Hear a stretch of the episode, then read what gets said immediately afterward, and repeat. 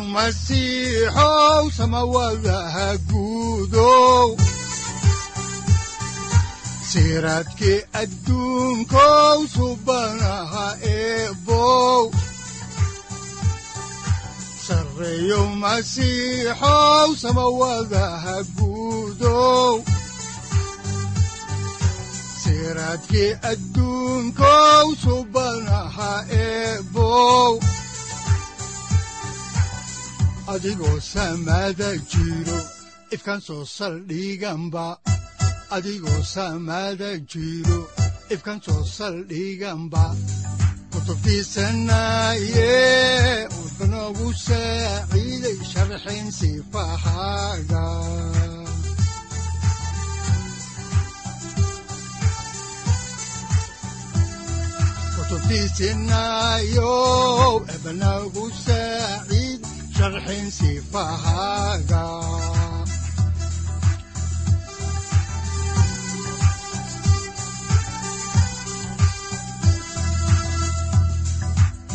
satirow ilaahow adanku su'aalne satirow ilaahow adanku su'aalne safarka kulibana samaha masiixoon waxaannu horey idinku sii wadi doonaa dhegaystayaal.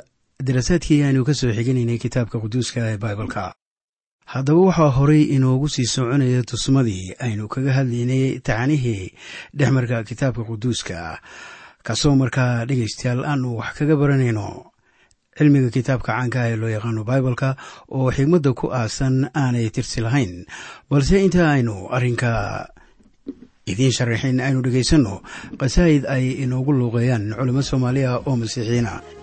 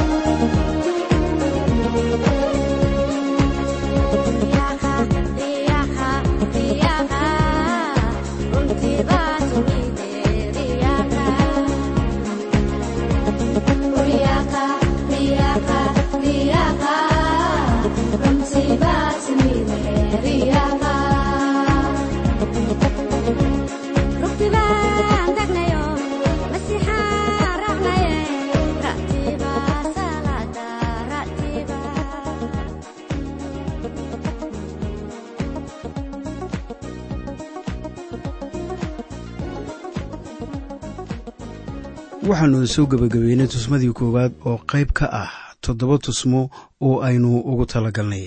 Waxaana tusmada koowaad ay ahayd inaannu ku bilowno barashada kitaabka salaad ama duco. Aannu ilaah ka baryayno inuu furo indhahayaga waxaa indhahayaga furaya ruuxa quduuska ee ilaah oo ah gargaaraha laynoo ballanqaaday sida ku qoran injiilka sida yooxanaa u qoray cutubka afar iyo tobanaad aayadda lix labaatanaad. Markaasoo ciise masiix qudhiisa uu lahaa laakiin gargaaraha ruuxa quduuska oo aabbuhu ku soo diri doono magacayga wax kasta ayaa uu idin bari doonaa wuxuuna idin xusuusin doonaa wax kasta oo aan idinku idhi haddaba sababta loogu baahan yahay inaannu u weydiisano ruuxa quduuska ayaa waxay tahay in ilaah inagu caawiyayo garashada waxa hadalladiisa qorani ay leeyihiin. Waxaanu kaloo isla garanay in kitaabka quduuska uusan la mid ahayn kutubta ay dadku qoreen laakiin isaga aan lagu garan karin nidaam kale oo aan ka ahayn in ruuxa inoo muujiyo hadallada qoran. Waana sababtaas iyada ah waxa aynu marka hore ugu bilaabayno salaad iminkana waxaanu soo gaarnay qodobka labaad oo ah akhri kitaabka.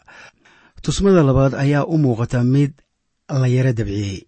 Qof baa sannado ka hor su'aalo weydiiyey nin suugaanley ah oo ku takhasusay qoraalada shakespeare waxaana uu ku yidhi sideebaad ku baratay qoraaladan shakespeare? Ninkii suugaanlaha ahaa ayaa ku jawaabay waa inaad akhriso shakespeare aniguna waxaan kugu leeyahay akhri hadalladii ilaah. Miyaad doonaysaa haddaba in aad ogaato waxa baibalku ku farayo? Haddaba akhri kitaabka marar badan waxaanaad ogaan doontaa ama aad fahmi doontaa wax ka badan intaad macallin ka ogaan lahayd. Mar kasta way wanaagsan tahay in aad samayso jadwal aad kitaabka maalin ku akhriyayso si aad u ogaato waxa ku qoran oo aad kaga faa'iidaysan karayso kitaabka. Aad bay u muhiimad ballaaran tahay haddaba in aad nafsadaada u akhrisato si aad u aragto fariimaha uu ku hayo kitaabku. Ninka la yidhaahdo doctor g. Campbell morgan ayaa waxa uu bibaleka ka qoray kutub uu kaga faalloonayo qorniinka oo caaqibo leh. Marka ay joogto faallooyinka laga qoray ayaanan anigu arag kuwo ka wanaagsan kuwii doctor campbell morgan uu qoray. Wadaadkan la yidhaahdo g. Campbell waxa uu caan ku noqday in uu marka hore kitaabka akhriyo ama siiyo wakhti badan intaanu daraasaad ka samaynin. Kutubta uu qoray waxaa ka mid ahaa the campbell morgan analyze bible. Hadallada kitaabka marka hore wuu xifdin jiray. Kadibna ayaa uu dadka beri jiray oo faallooyinka uu qorana waxaa la qiray inaan deg deg loo samayn.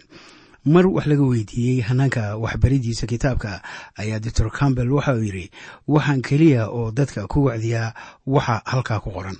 Taasoo uu ula jeedo waxa kitaabka ku qoran oo keliya laakiin isagu uusan waxba ku darsan ama uusan waxba ka qaadin waxaan markaa idiin akhrinayaa haddaad tihiin ardayda ama dadka doonaya in ay daraasaad ku sameeyaan waxaa kitaabkan soo jireenka ku qoran in ay laasintaan akhrintiisa.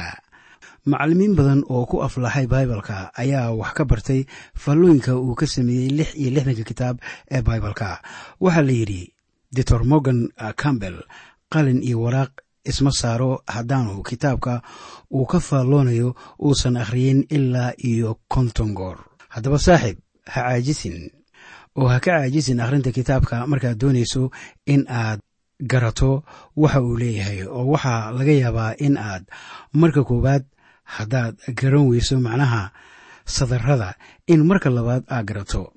Haddii aad garan weyso marka labaad akhri haddana mar saddexaad oo wad akhriska. Waayo waa khasab. Inaannu ogaanno xaqaa'iqa hadallada ilaah. Dhacdo la yaab leh oo khusaysa ahamiyadda ay leedahay in la akhriyo hadallada ilaah ayaa waxa ay ku qoran tahay kitaabka nexemiya cutubka sideedaad aayadaha hal ilaa saddex waxaana qorniinku leeyahay sida tan oo dadkii oo dhammo iyaga oo ah sidii nin keliya ayaay dhammaantood ku soo wada urureen meesha bannaanka oo iridda biyaha ka horreysa oo karaan iyo cisraa ahaa ayay kula hadleenoo u sheegeen in uu keeno kitaabka sharciga muuse oo rabbigu ku amray reer binu israa'iil. Markaasaa wadaadkii cisraa sharcigii hor keenay ururkii ahaa rag iyo dumar iyo in alla intii waxgarasho ku maqli jirtay ama ku maqli kartay oo dhan oo waxa ayna ahayd bishii toddobaad maalinteedii koowaad oo isna wixii kitaabka ku qornaa ayaa uu ku akhriyey meeshii bannaaneed ee iridda biyaha ka horreysay oo waxa uu akhriyey ama akhriyayey aroortii ilaa iyo hadhkii. Wuxuuna ku hor akhriyey raggii iyo dumarkii iyo kuwii garan karay oo dadkii oo dhanna aad bay u dhegeysanayeen kitaabka sharciga. Waa qidco caaqibo leh haddaba oo inagu qoran qorninka sida aad arkaysaan yuhuuddii musaafiriska u joogtay baabiloon toddobaatanka sannadood ayaa kuwo badan ayan maqlin ereyada ilaah. Waa qidco cajiiba haddaba oo inoogu qoran kitaabka sida aad arkaysaan oo yuhuuddii musaafiriska u joogtay baabiloon toddobaatanka sannadood ayaa kuwo badan ayan maqlin ereyadii ilaah oo qorriinkuna sida maalmaheenna uu u badan yahay ma uuna ahayn oo waxa ay ku jireen gacanta dad aan badnayn oo wadaaddo u ahaa reer binu israa'iil dadku waxa ku qoran war uma haynin waxaana kitaabka kala bixiyey wadaadkii cisraa ahaa oo ka mid ahaa wadaadada reer laawi ee ka soo farcamay addoonkii rabbiga ee haaruun ahaa.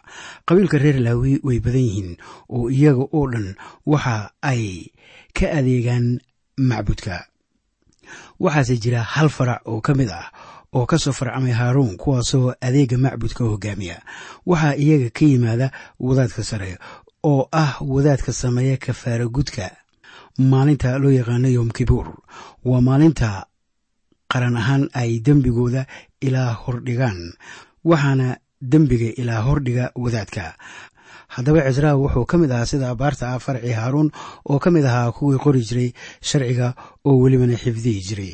Sababtaas aawadeed qorniinku ma badnayn mana ahayn wax qof waliba haysto oo sida abaarta ah hal ama laba nuqli oo keliya ayaa laga yaabaa inay ahaayeen. Sababtaas aawadeed ayaa uu dadkii u akhriyey in ay xusuusnaadaan waxa sharciga rabbigu leeyahay cisraa waxa uu aad ugu dadaalay in dadku gartaan kitaabka sharciga oo uu xil weyn iska saaray sida ku qoran kitaabkii nexemiyaha cutubka sideedaad aayadda sideedaad oo ka mid ah kutubtii axdigii hore waxaana qorniinku uu leeyahay sida tan oo kitaabkii sharcigii ilaa si bayaan ah ayaa loo akhriyey waana la micneeyey si dadku u garto waxa la akhriyey. Sida qisadu u socoto waxa ay ila tahay in reer laawi ay dadka ku dhex jireen oo markii wadaadka cisraa ah akhriyo qidcada wuu hakanayaa si uu dadka u siiyo fursad ay su'aalo ku weydiiyaan ragga kale ee reer laawi ee dhex jooga si ay ugu fasiraan hadalka.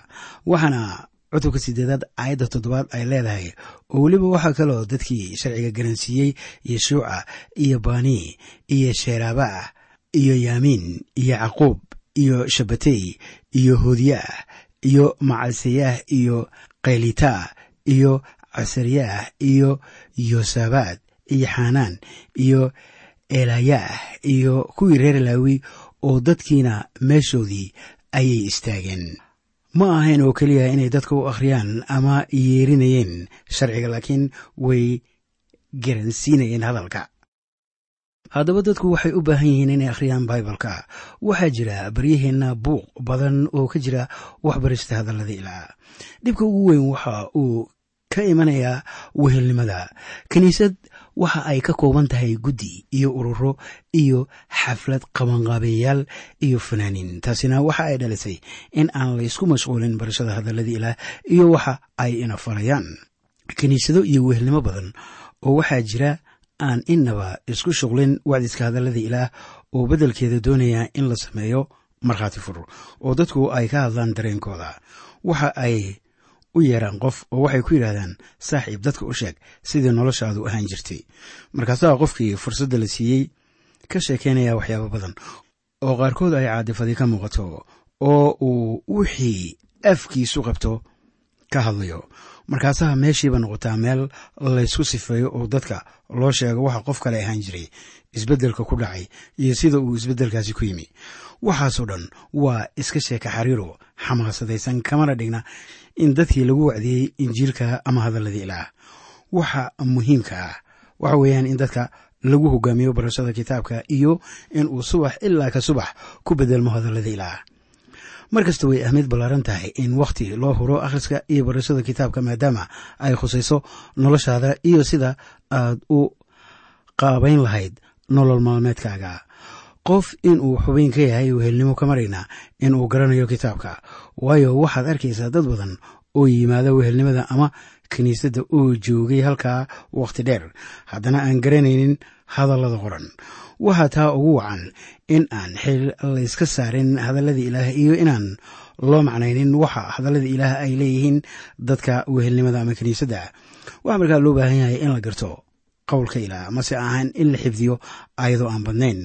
Tan keliya ee aynu ku ogaan karno hadalladii ilaah waxa weeyaan barashada kitaabka waana hanaanka keliya ee aad wax ku baran karto boqorkii sulaymaan ahaa ayaa kitaabka maamahyada cutubka koowaad aayadda toddobaad inoogu sheegaya arrin muhiima oo khuseeya faa'iidada barashada kitaabka.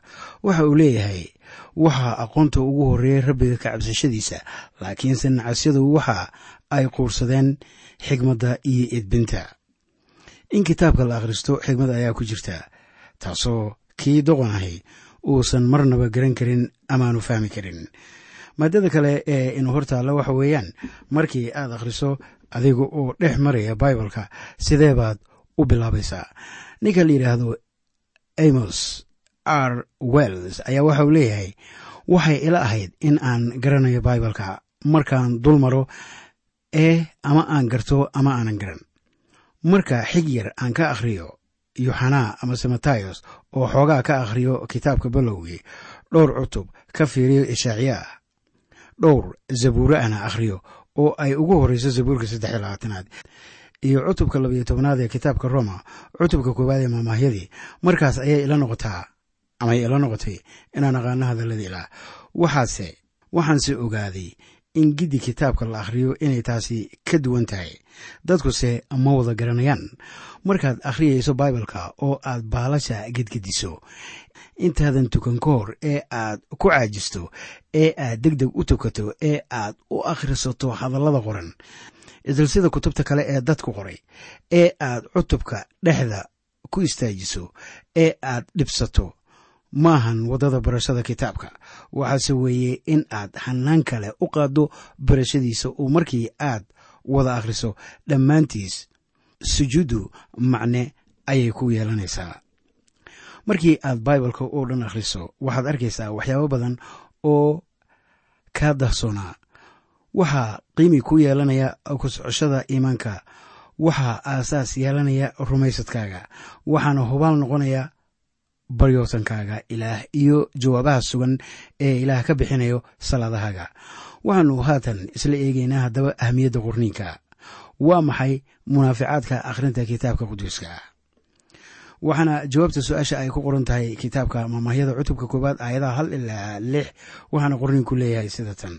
Kanu waa maahmahyadii sulaymaan ina daa'uud oo ahaa boqorkii reer binu israa'iil.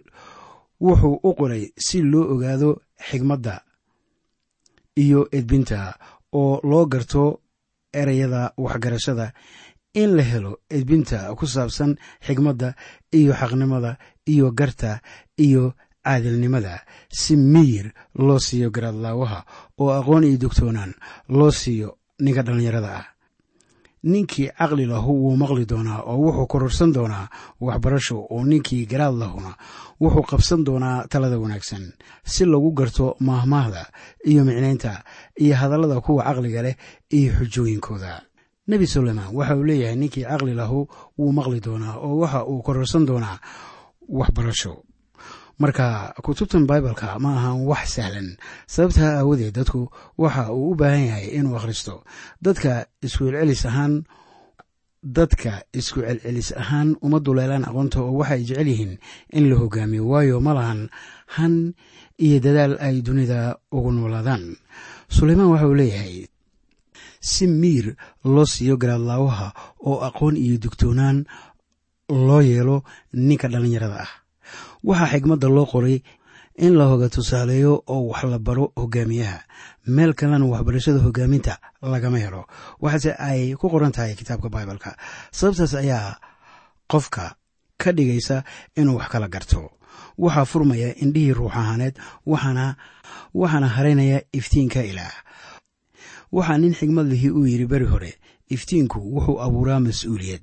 Kaba soo qaad haddii aad meel gudcur ah ku socoto oo aadan toosh wadanin amaadan haysan. Ma kala garan kartid in aad hog ku socoto iyo in aad geedo xanan ah iyo qurac dhex jiirayso.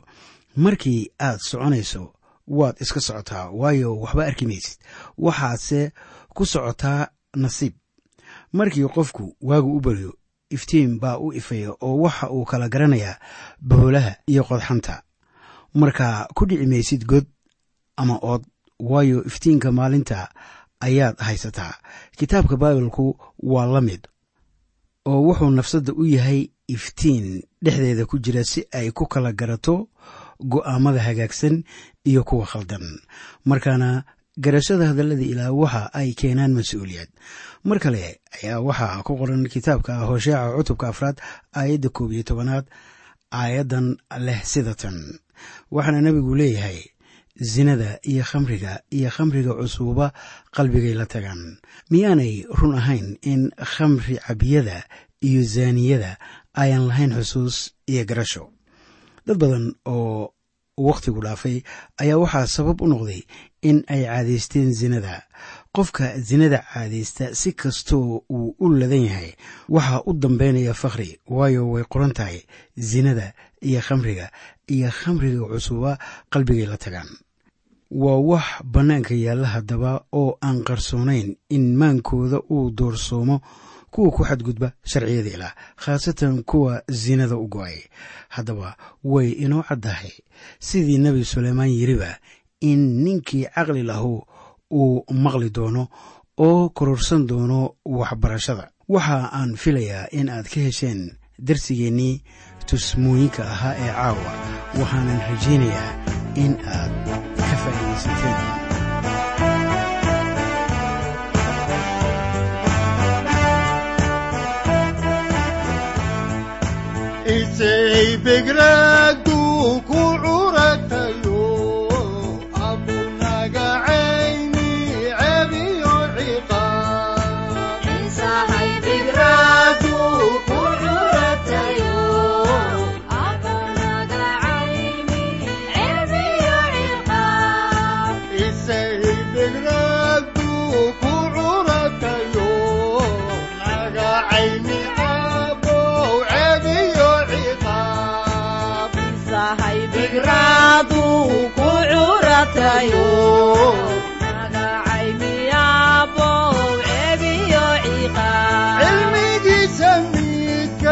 cidla koobinow cebiyo ciqaab ku curatayo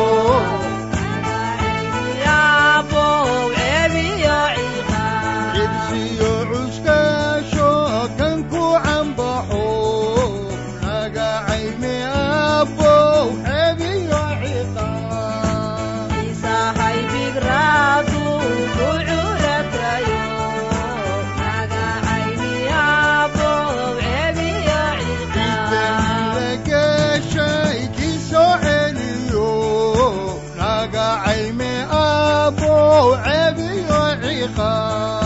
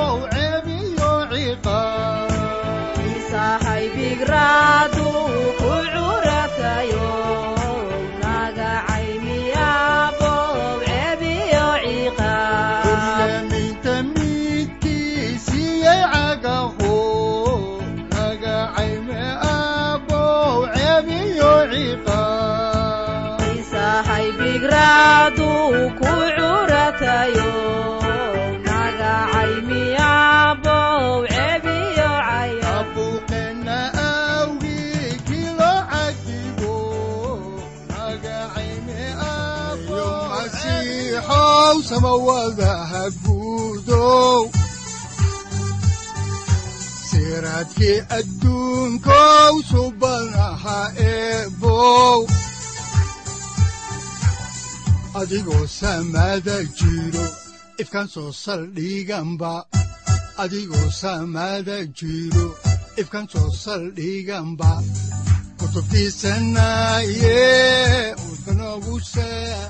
halkani waa t w r idaacadda t w r oo idinku leh ilaa ha idin barakeeyo oo ha idinku anfaco wixii aad caawi ka maqasheen barnaamijka.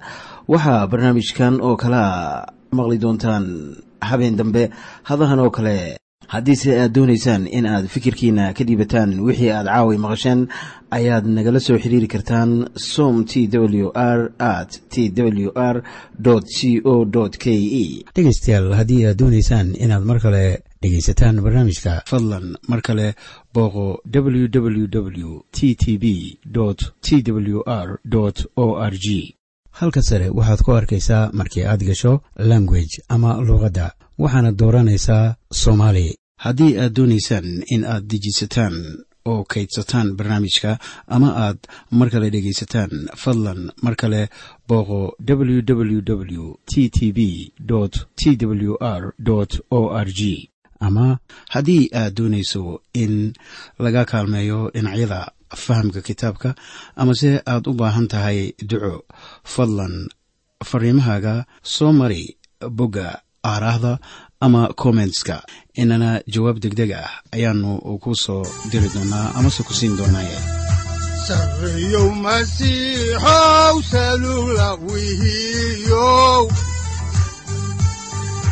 saacadda